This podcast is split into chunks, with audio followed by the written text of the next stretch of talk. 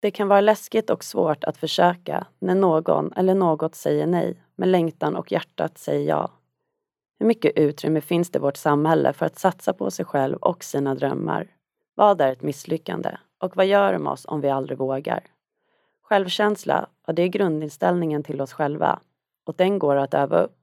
Vårdguiden har samlat några tips, bland annat att bli bra på något, testa något nytt, inte jämföra sig med andra och förstå sig själv. Och det är nog det som veckans avsnitt handlar om. Veckans gäst är Marcus Palm som sa upp sig från sitt ekonomijobb för att satsa på drömmen om att skriva och ge ut sin bok. Och hur det gick och vad han gör idag, det ska vi ta reda på nu.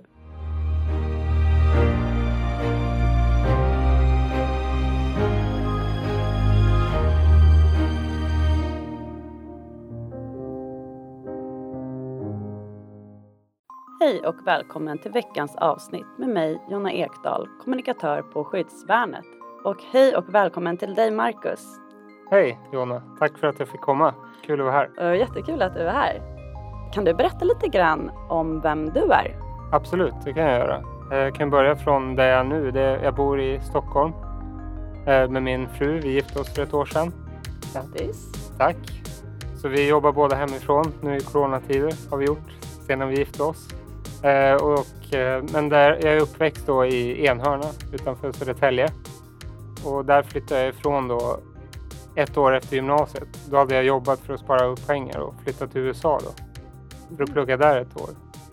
Så då, det var liksom en eh, utmaning att komma ifrån uppväxt, uppväxtstaden och, och testa något nytt. Och sen så när jag kom tillbaka till Sverige ett år senare så flyttade jag till Umeå där jag pluggade ekonomi som eh, jag sen började jobba med då efter fyra år i Stockholm då, flyttade tillbaka till Stockholm. Och jag förresten träffade min fru då i Umeå gjorde, så hon pluggade samma. Sen kom ni båda ner till Stockholm? Exakt. Och då började jag jobba där då, så, som ekonom och jag var det, tre år tror jag. Men sen eh, så har jag alltid drömt om att skriva en bok. Så då helt enkelt sa jag upp mig för att göra det. Modigt och kul. Ja. Ja, och det ska vi prata mer om nu. Hur länge var det du hade haft dina författardrömmar och eh, den här längtan efter att eh, skriva? Eh, det börjar väl egentligen väldigt tidigt, alltså med att läsa skulle jag säga. Det är framförallt det, att man börjar tidigt. Och det bör, börja läsa gjorde jag för att jag fick 20 kronor av mamma och pappa för att läsa klart en bok. Och det fick jag varje, en 20 varje gång jag läste ut en bok. Men sen glömde jag bort den där 20 och fortsatte läsa. Och sen har jag liksom egentligen bara helt naturligt börjat skriva utan att tänka så mycket på det. Men sen var det kanske först i gymnasiet jag fick tanken om att faktiskt kunna bli, bli författare och kände att det, att det skulle kunna gå att göra. Vad var det som hände? Var det någon speciell orsak till att det hände under gymnasiet? Eh, det var en svensklärare skulle jag säga. Och det var egentligen, jag kände att jag skrev om någonting som jag brydde mig om och var intresserad av. Och alltså det hände inte så ofta att man fick göra det på, i skolan egentligen. Men just den grejen var ju då att jag fick skriva något som jag intresserade mig för. Nu kommer jag inte ihåg vad det var, men det var... Och då liksom fick jag väldigt mycket feedback från den läraren och att jag kan verkligen skriva och, och så då kände jag att det här var något att satsa på. Mm. Och sen har det liksom stannat med mig egentligen sedan dess. Kul! Ja. Heja den läraren! Ja, det var en bra lärare. Ja. Vad är det du känner att du får ut av att skriva? Uh, ja, det är mycket man får ut av det känner jag, men det är väl egentligen att man vill förklara egentligen. Man, mycket man tänker på och sådär och vill fundera på. Och jag tycker att just skrivandet är att man får fram det väldigt bra. Och även Alltså det att man har läst mycket och så gör ju att man har inspirerats och vill skriva någonting själv. Och det är väl en stor del ändå i det. Att det, just läsande och skrivande går ihop väldigt mycket. Mm. Men just att man, jag tycker om att bara här, alltså tänka egentligen. Det är det. Och det sista liksom, linjen i det är att skriva och formulera. Egentligen testa sina tankar och, och så. Och sen skriver jag ju skönlitterärt. Det är just för att man kanske kommer fram till olika saker som, inte, som är motsägelsefulla nästan. Alltså man är, då är skönlitteraturen väldigt bra att skriva. För man kan gestalta båda, båda så här Mm, åsikterna och, och från olika perspektiv och kanske dela på och göra fler karaktärer av och sådär. Och lite så här, ja, men filosofiska tankar som man kanske har kommit fram till men också kan se från, från två sidor ofta. Vad det nu gäller. Och då är skönlitteratur väldigt bra. Har du något specifikt mål med ditt, eh, med ditt skrivande? Jag hade då när jag jobbade efter jag utbildade mig till ekonom där så hade jag ju då ett mål att alltså jag sa upp mig för att skriva en bok men också för att bli författare. Det var meningen och liksom och det var väl det. Men sen kanske det var lite naivt.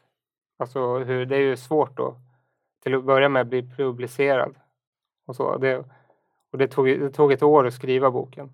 Sen tog det, tror jag, två år till slut tills jag, efter det, att det blev publicerad. Mm. Och sen har ju den, och det har gått ändå rätt bra då. Och Mm. så. Men det är ju inte att man kan försörja sig på det helt och hållet utan man måste ha ett annat jobb än så länge i alla fall. Så då kanske målet inte är riktigt att bli författare på det viset utan man har att få skriva och det är det man tycker om. Att bara få göra det och sen få se vart det leder men inte att det, det ska inte vara målet längre.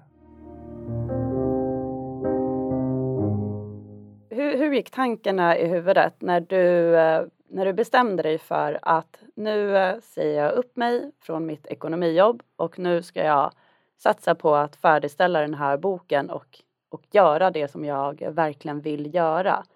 Eh, Jag, jag må, måste erkänna att jag velade väldigt länge. Det Ja. gjorde jag. För jag ändå ve, ve, visste länge att jag ville göra det. Och sådär. Så det, det var ju fram och tillbaka. Och, men när jag till slut tog beslutet så hade jag planerat mycket. Och jag visste vad jag skulle skriva. Och ändå tvekade jag om jag verkligen skulle göra det. Men då var det eh, min eh, sambo, nu, nuvarande fru då, som pushade mig och sa att det är klart du ska göra det här. Och, och så det, det var ju jätteviktigt stöd och den där sista pushen. Det var tack vare henne. Va, varför tvekar du? Vad var ditt ja, jag gör det eller nej, nej, jag ska nog inte göra det. Jag till att börja hade jag utbildat mig till ekonom. Det kan man undra varför, men det är alltså, det, jag vet inte, det kanske är pressen från hemifrån att man ska ha, man ska ha ett riktigt jobb. Det är nog en, en del, tror jag. Och att jag känner att ekonomi, ja men det är något jag kan göra ett bra jobb på också. Så det var egentligen det och att man har, satt, har en karriär då. Och att, men även man, det var ju mer, då, det var ju mer kanske andras tankar jag hade i huvudet då. Och vad man borde göra. Och att Mm. man bo- ja, utbildar sig och satsar fyra år på en utbildning och har ett bra jobb. Och, men jag visste ju att jag ändå ville göra det. Men det var lite de, det som snurrade runt i huvudet och fick det att dröja lite längre. Hur, hur tror du att det har, eller hur, hur tror du? Det, det vet du väl själv kanske, men om du har reflekterat över att du har vågat göra någonting eh, som då en del har tyckt kanske i din omgivning, eh, oj, eh, var ska du få pengar ifrån och det här är ju inte något riktigt jobb. Mm. Du har ändå vågat satsa på dig eh, själv utan att veta vad utdelning kommer att bli. Hur, eh, hur tror du att det har eh, berikat dig som person? Har du gjort det? Ja, men det har det. Det har det. Att kunna färdigställa något bara för sin egen skull. Som ingen riktigt förstår innan man har, har gjort det.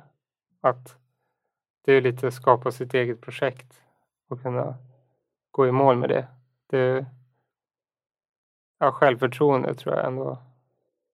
Eller ja, det är lite, ändå lite att man kan bevisa det också. Att man faktiskt kan skriva en bok. Jag tror många tänker från det om man inte har skrivit en bok. Om man Mm. säger att man ska göra det och säger upp sig och så. Så då låter det ju galet. Mm. så det är ju det. Och så, men då ändå kunna gö- göra det helt, helt själv och det är ingen som pushar en. Och vissa kanske tror att man bara är trött på att jobba. Att Mm. det handlar om, om det, utan det var ju mer att satsa på något man tror på och vill. Var du någonsin rädd för att misslyckas? Och går det att misslyckas? Eh, nej, jag var ju inte det egentligen. Och det var ju fördel. Mm. Att, men det var ju lite som eh, kanske naivt att tänka att jag, tro, jag trodde ju på det nästan för mycket. Alltså så här, det här kommer bli hur bra som helst bara på idén och mitt hårda slit.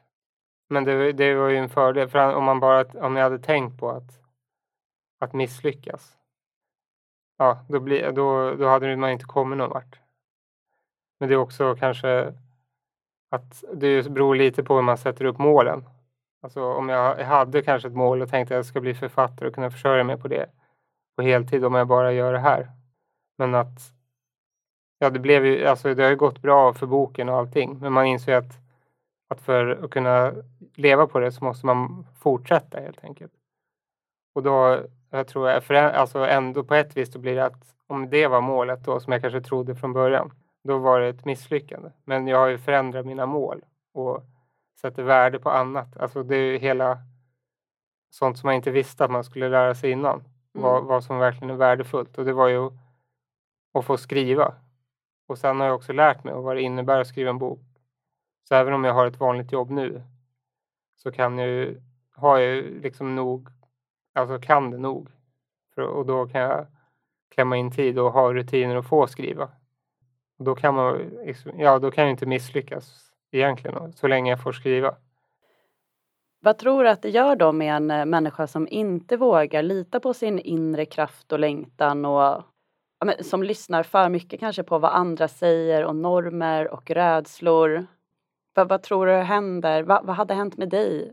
Jag tror det är väl egentligen det, då hade det varit ett misslyckande. Att om jag hade valt att inte göra det. Om jag hade tänkt att det här kommer inte, det här är ju orealistiskt och tro om jag hade alltså räknat på det, kollat statistiken eller någonting mm. och sagt nej men jag, det går inte, jag, jag, får, jag väntar. Och då hade det känts ett misslyckande och så tror jag också att då hade jag kanske gått tio år och jag har känt att det är okej. Okay. Men och då kanske det slår en. Att, mm. jag, att man inte har gjort något med sitt liv som man faktiskt alltså bryr sig om egentligen. Att det kan bli ett hårt slag bara plötsligt mitt i livet och man känner att, att jag borde ha gjort det då när man har kunnat. Och att det kan inte, det aldrig kan inte vara enkelt bara, utan man måste så här, bara göra det och inte tänka just på riskerna och rädslan. Och, för då, då, kommer man, då är det svårt då. För då, då, om man räknar på det kanske rent så här så kommer man fram till att det kommer inte gå. Mm. Och då gör man inte. Tycker du att det finns eh, plats för, för drömmar och tid för att kunna satsa på sig själv i det samhället som vi lever i nu och hur, eh, hur normen ser ut? Mm, ja, det är svårt, det är det. Men jag också börjat tänka på att man kanske... Alltså jag förväntar mig kanske inte av samhället att jag ska få hjälp med att uppfylla mina drömmar. Samtidigt så tänker jag själva arbetslivet är ju beroende på vad man jobbar är att det kanske det är för högt tempo och man ska vad man än jobbar med. Det är svårt att tror jag finna mening med sitt jobb. Det tror jag många känner. Och att, att det ska gå hela tiden snabbare och snabbare. Och man ska ha mer och mer. Och, så att man kanske fastnar i den, att allt går så snabbt så man inte får tid till att ens tänka vad man vill. Mm. Och vad, är, vad ens faktiska drömmar är. Och, och så. Men det, det är ingen som kommer uppfylla ens egna drömmar och så. Men mm. det kanske också att det är många som ändå vill skriva och har eller var, ja, kanske konstnärsdrömmar eller vill syssla med något på sidan om och det tror jag ändå att, att man vill finna mening i utöver jobbet som kanske är svårare idag, får jag för mig. Mm. Att finna mening. Jag tror eh, personer kan göra för att uh, hitta lite plats i livet eller mycket plats kanske i livet för att göra det som, som man kanske egentligen faktiskt uh, vill? Uh, ja, det är ganska tråkigt men det är bara rutin, bra rutiner egentligen. Mm. Och hitta sin, när man kan få, få ja, en, en timme eller två. Det är väl det egentligen. Och att man tar, ta det på allvar. Att säga, men nu, nu ska den här timmarna varje dag eller en gång i veckan så ska jag bara ägna mig åt det här. Och att ja, man gör det på riktigt och inte säga att man då då planerar man inte annat då, utan då är det en del, en del av sitt, sitt liv. Så. Och sen jag själv har ju tänkt förut var det att ja, men efter jobbet så ska jag skriva. Men det har aldrig funkat. Och, det, och jag har gjort, har jag väl satt mig ner och skrivit så har det inte blivit något bra. Och det är snarare att jag måste gå upp på morgonen och ställa klockan och, och då få tiden då. Och utnyttja att man, eh, som jag är då, morgonperson. Vissa kanske är mer kvällsmänniskor och lär känna sig själv lite vad, när man är som bäst. Men eh, det är en del förändringar som mm. man måste göra, både praktiskt och ens tankesätt som man ska behöva förändra för att kunna faktiskt kanske ge det en eh, ärlig chans. Vad är det för någonting som krävs eller vad är det man behöver göra? Jag tror kanske att man tar från, att man kanske, det är en sak att börja med rutiner runt sitt arbetsliv men det är också det hjälpte ju väldigt mycket att satsa på riktigt också så att säga. Och en praktiskt var ju att innan det också spara pengar. Och det är alltså leva, leva snålt för att spara sen kunna jobba med det här utan, utan att ha ett, liksom, en lön då, under en, en period. Om man kan så är, är det, det är bra. Men eh, tankesätt Ja men först då vet vad är det man vill. Och så är det, vill man då får man ju se till att bara tänka utifrån sina egna förutsättningar. Kanske. Så det handlar hela tiden om hur mycket man vill det på något vis. Går det Om man känner att lite så här nu eller aldrig.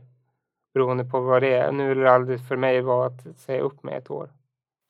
Ja, jag tycker det är så himla modigt verkligen att, eh, att våga göra det och säga att nej, nu, eh, nu tar jag och satsar lite grann på det här istället. Eh, det är det jag vill och trots att personer runt omkring, både personer som man känner men även om vi säger samhället i stort, mm. Eh, har sina tankar om vad den ska göra och hur det ska gå till och vad man behöver och, och att ändå bara strunta i det. Ja, jo, men så är det. Alltså, bara köra är väl, alltså det, det är väldigt på något vis. Just det, jag tror att, och det går så himla snabbt åren alltså. Det gör verkligen det och för sånt. Och så kanske man att man inser det kanske när man ser tillbaks att då jag tyckte det var svårt och det kändes som en stor risk var inte alls en så stor risk och svårt nu. Jag kommer jag tänkte också så när, eh, när jag skulle bestämma mig för att börja på universitetet och det kändes som att herregud det är tre år minst av uh, min tid och uh, vad är det annars jag inte kan göra under den här tiden? Vad kommer jag missa? Och sen när tre år har gått, så så här, mm. vad händer med de här tre åren? Nej, och då, då har du ju det också och den mm. erfarenheten. Och det är också, man vet inte innan vad det kommer ge att plugga på universitet till exempel. Och då så har du valt bort, då hade vissa val, väljer bort det för, och det kan ju vara bara bekvämlighet för att du kommer in, då kommer du inte ha lika bra inkomst. Så då måste du leva mycket snålare och du kan ja, vad det nu kan vara. Man måste dra ner på bekvämligheter.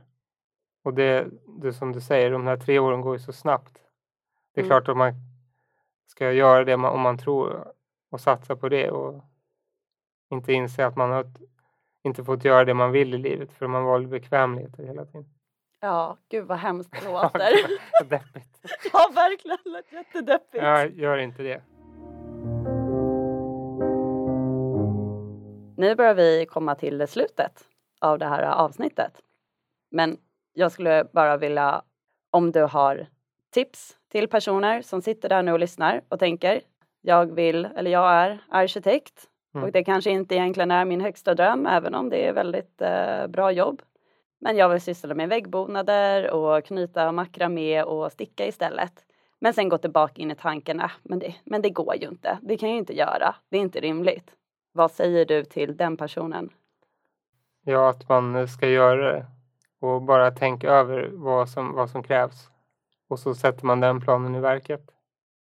Nej, men då har jag bara en sista fråga som vi ställer till alla våra gäster. Och det är om du kan berätta någonting som är lite oväntat om dig själv. Ja, jag bott i Kina har jag gjort. Försökte lära mig kinesiska, men det gick inte alls. Kan du säga någonting? Ni hao. Ja, Hej alltså. Ja, ja. Jag lärde mig lite mer men det har jag glömt bort. Ja men vad roligt. Eh, ja, det var, det var häftigt. Men om man är intresserad av att läsa just din bok då, vart hittar man den och vad heter den? Den heter I ett litet hörn av världen och den finns på nätet på Adlibris och Bokus och allt sånt där. Och sen finns den också på Storytel som ljudbok. Vad, vad har du för liten, har du någon liten säljpitch för vad den handlar om? Eh, ja, men den handlar om vad som skulle hända om någon kom till Stockholm och sa sig vara sänd av Gud. Och så får man inte följa den personen i första, första perspektiv utan de andra som börjar följa honom. Bland annat så att säga vanliga människor och ensamma människor och uttråkade människor och så Mm. i stora drag handlar det om. Ja men då finns det lite sommarläsning eller höstläsning kanske? Ja, men precis. Och det var, de har ju brandat den som filosofisk feelgood. Eller feelgood framför allt. Det är väl jag som vill ha, klämma in filosofiskt. Men det tycker jag passar. Ja men absolut. Ja. Ja men då vill jag säga jättemycket tack Marcus för att du kom hit och har inspirerat mig och du har säkerligen inspirerat massa andra personer där ute också om att tänka lite annorlunda och våga. Ja, tack för att du fick komma. Det var kul att snacka lite. Ja, ja jättekul. Ja. ja tack då. Hej! Och om du som lyssnar har tips på ett ämne eller en gäst som du vill att vi ska ta med i podden, skriv då till nyheter skyddsbarnet.se. Tack för att du har lyssnat.